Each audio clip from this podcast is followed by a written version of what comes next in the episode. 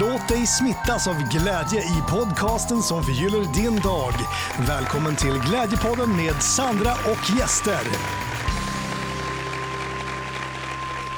För ganska exakt ett år sedan så gästades Glädjepodden av humörtränaren och föreläsaren Jesper Karon. Och eh, det är lite svårt att förstå sig på livet ibland man får verkligen perspektiv.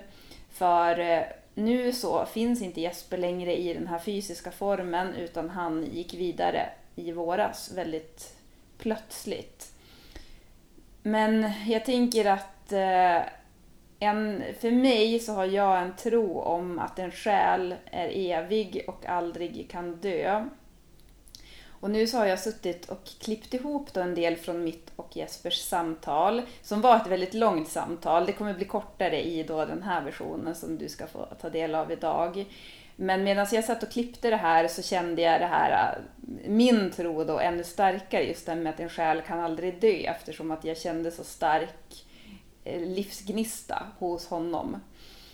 Så jag tänker också det oavsett eh, vad man har för tro så kan ju, kommer ju alltid människor som har levt att leva vidare genom det som de påverkade andra med under den stunden som de var på jorden. Och eh, nu så ska Jesper på ett av många sätt få leva vidare eh, här då idag som en, ett minne eller som en eh, jag skulle säga det så här, en, en hyllning till en låga som aldrig kan dö.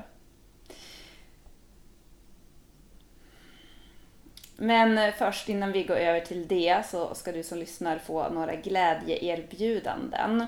Och där har vi då Glimja som erbjuder 15% rabatt på sitt fantastiska sortiment av högkvalitativ hälsokost. Med koden Glädjepodden, stora bokstäver, så får du 15% på ditt nästa köp där och det hittar du i poddbeskrivningen.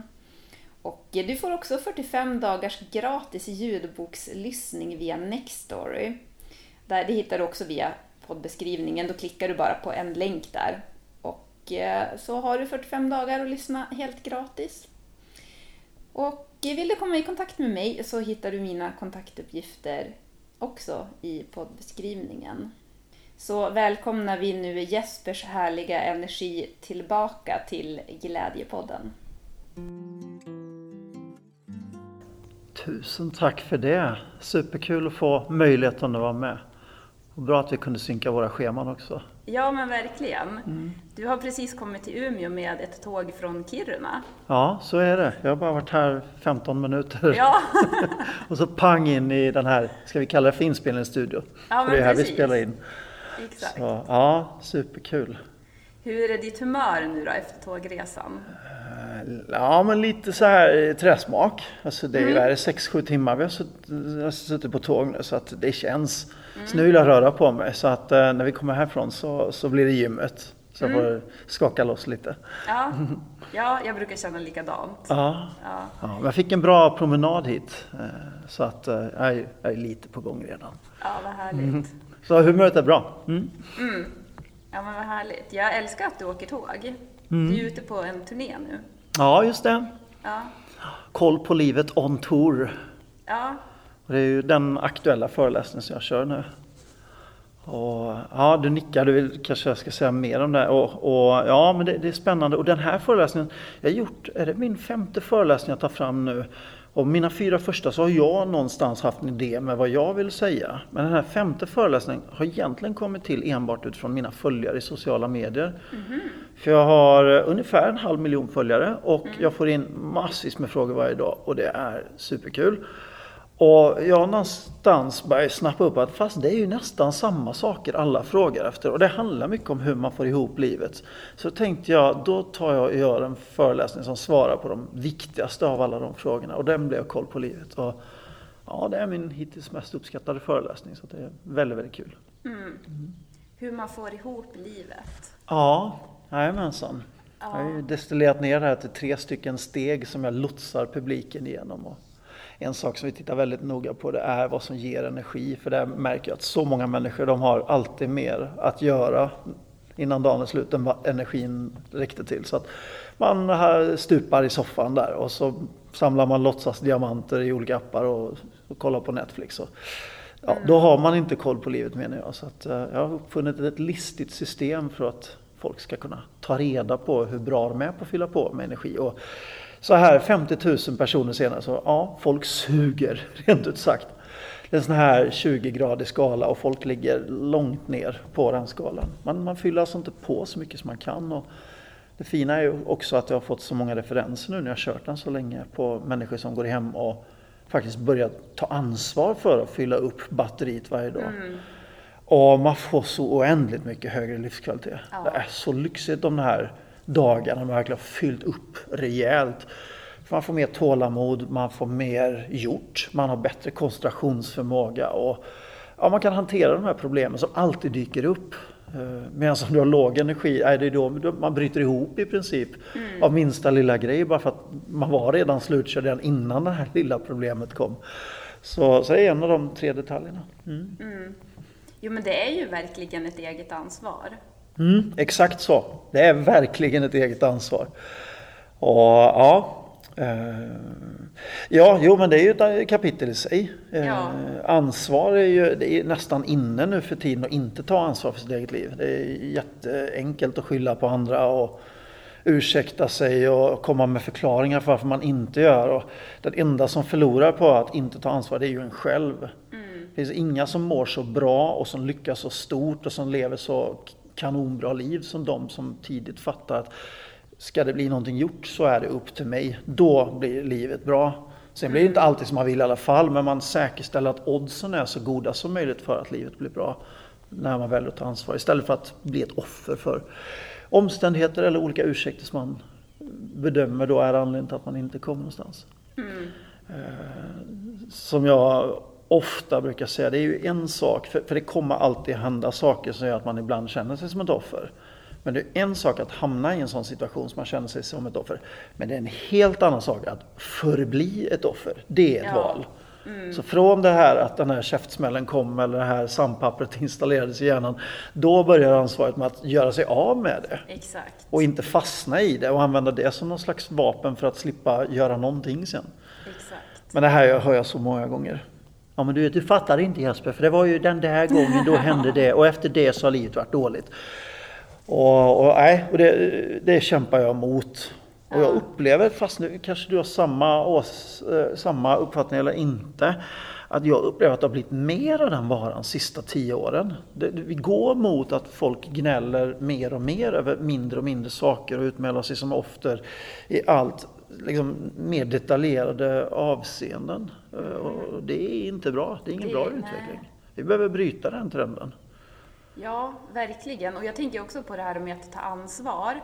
Att det kan man ju se som att ja, men att man ska göra saker för att komma till en plats i livet. Men jag tänker också att ta ansvar, det handlar ju också om att inte göra saker. Att ta ansvar till exempel att sätta sig och ta det lugnt, hitta en balans i livet. Att eh, istället för att jo, men jag har så himla mycket och mitt liv ser ut så här. För det kan ju också vara att man skyller ifrån sig. Mm. Men att man tar ansvar för att skapa den här balansen och det här utrymmet att inte livet bara är ett ekorrhjul utan att man faktiskt njuter utav det.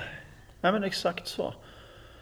Och, och i synnerhet när jag coachar folk one-on-one -on -one, så blir ju det här en av de frågorna, för de kommer in och bara spyr ut skit. Liksom, mitt liv är så och så händer det och, och så är det, det är katastrof överallt och, och allt är elände. Och, och så brukar jag fråga, men vem har designat livet som just nu är så fruktansvärt jobbigt att leva? Och de bara, vadå?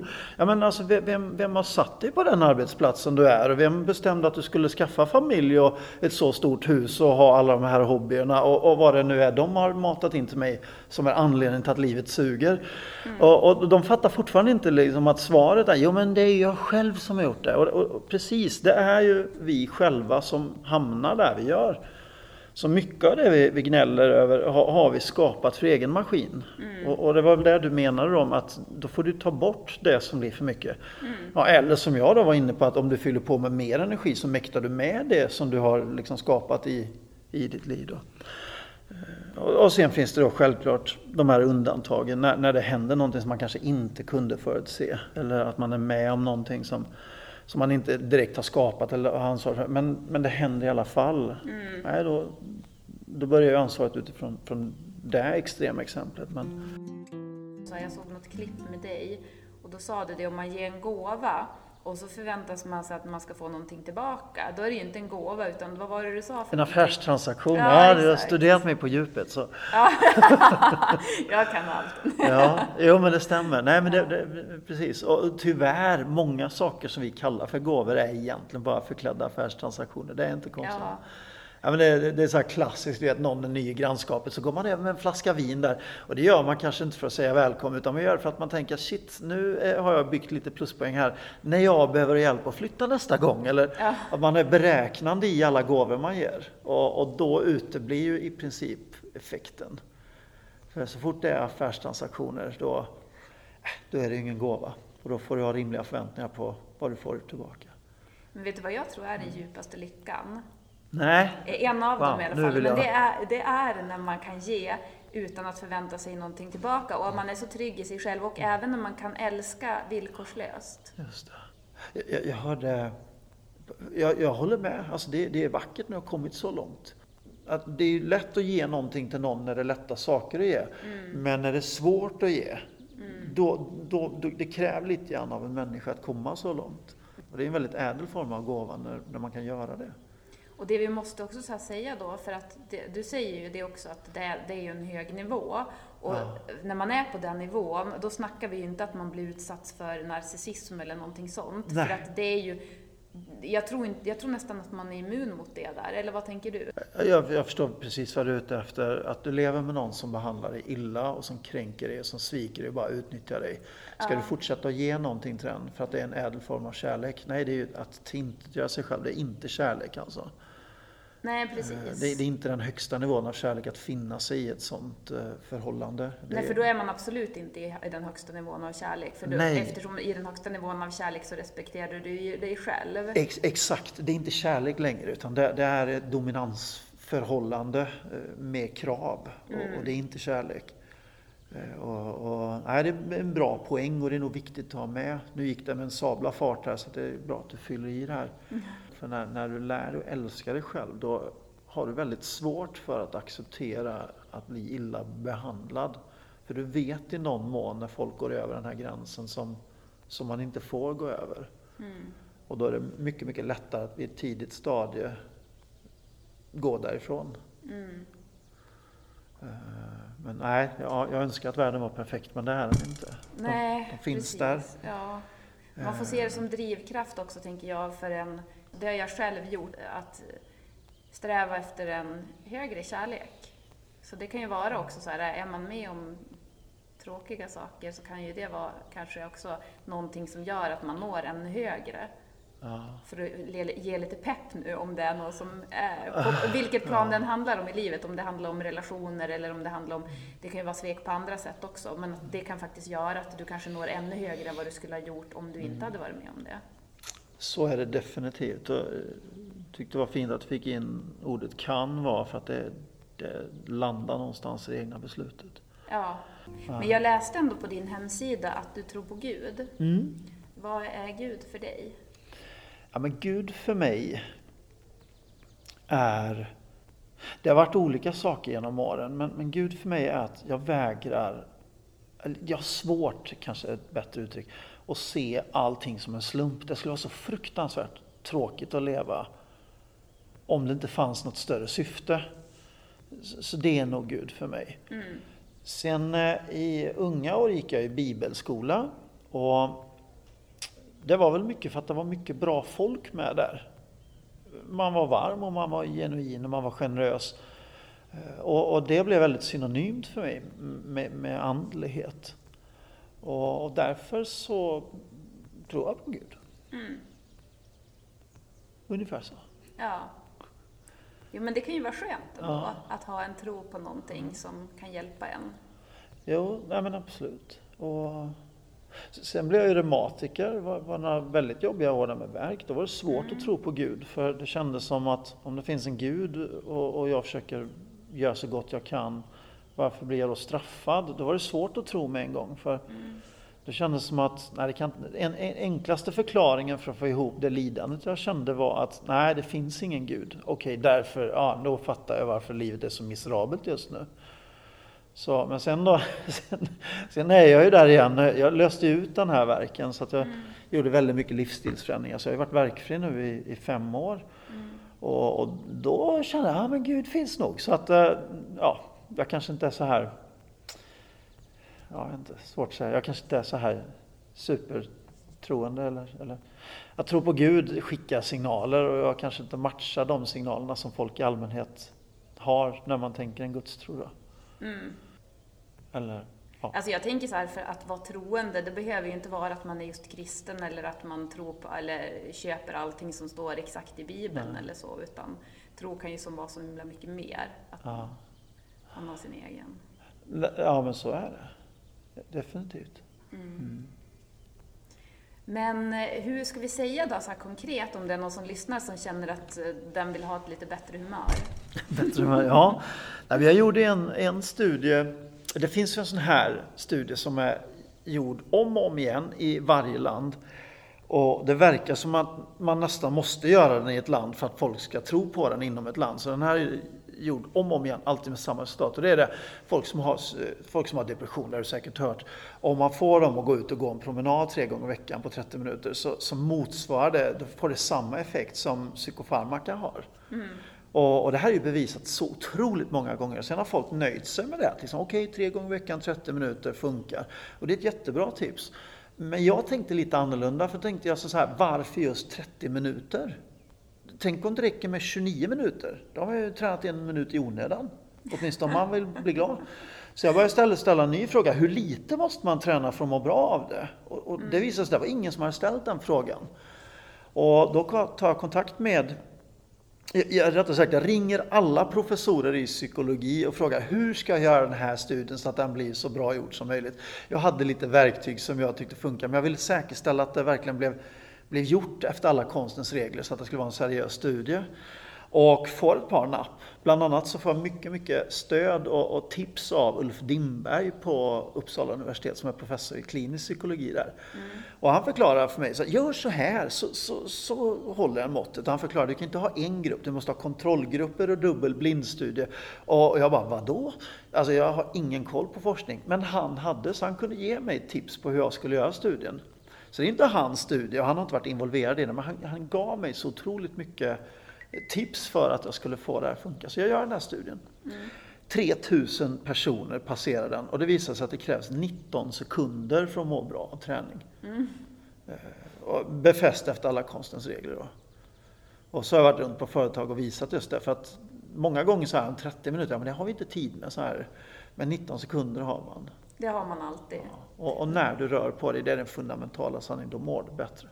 Men 19 sekunder, vad ska man göra på de sekunderna ja, då? ska du ju maxa är liksom, det, om du bara ska träna 19 sekunder, då går ja. det ju inte att gå ut mjukt eller ha uppvärmning, utan då kör man max. Och då uppfann jag rörelse specifikt som gick att göra oavsett ålder, oavsett hälsotillstånd, så att ingen skulle skada sig. Ja, men, men tusen väl... tack mm. Jesper. Det var jättekul. Nu har vi pratat på väldigt länge här. Tiden går så himla fort mm. när man har roligt. Det är ju verkligen så. Så är det verkligen. Vilket samtal. Ja. Fast det har varit underbart att prata med dig. Detsamma. Mm. Har du någonting du vill tillägga innan vi Ja, jag tycker det varit bra. Det, det, känns som vi bara avslut efter avslut efter avslut nu. Så, men jag tycker det är bra så. Eh, ta en one-liner till då om, om ni vill. Eh, ja. Den här är också uppskattad. Det finns ingen garanti att du alltid lyckas om du försöker. Men det finns däremot en fullständig garanti att du aldrig lyckas om du aldrig försöker. Quote Jesper Karon. Vi avslutar så. Det tycker jag. Ja. ja tusen tack. Tusen tack.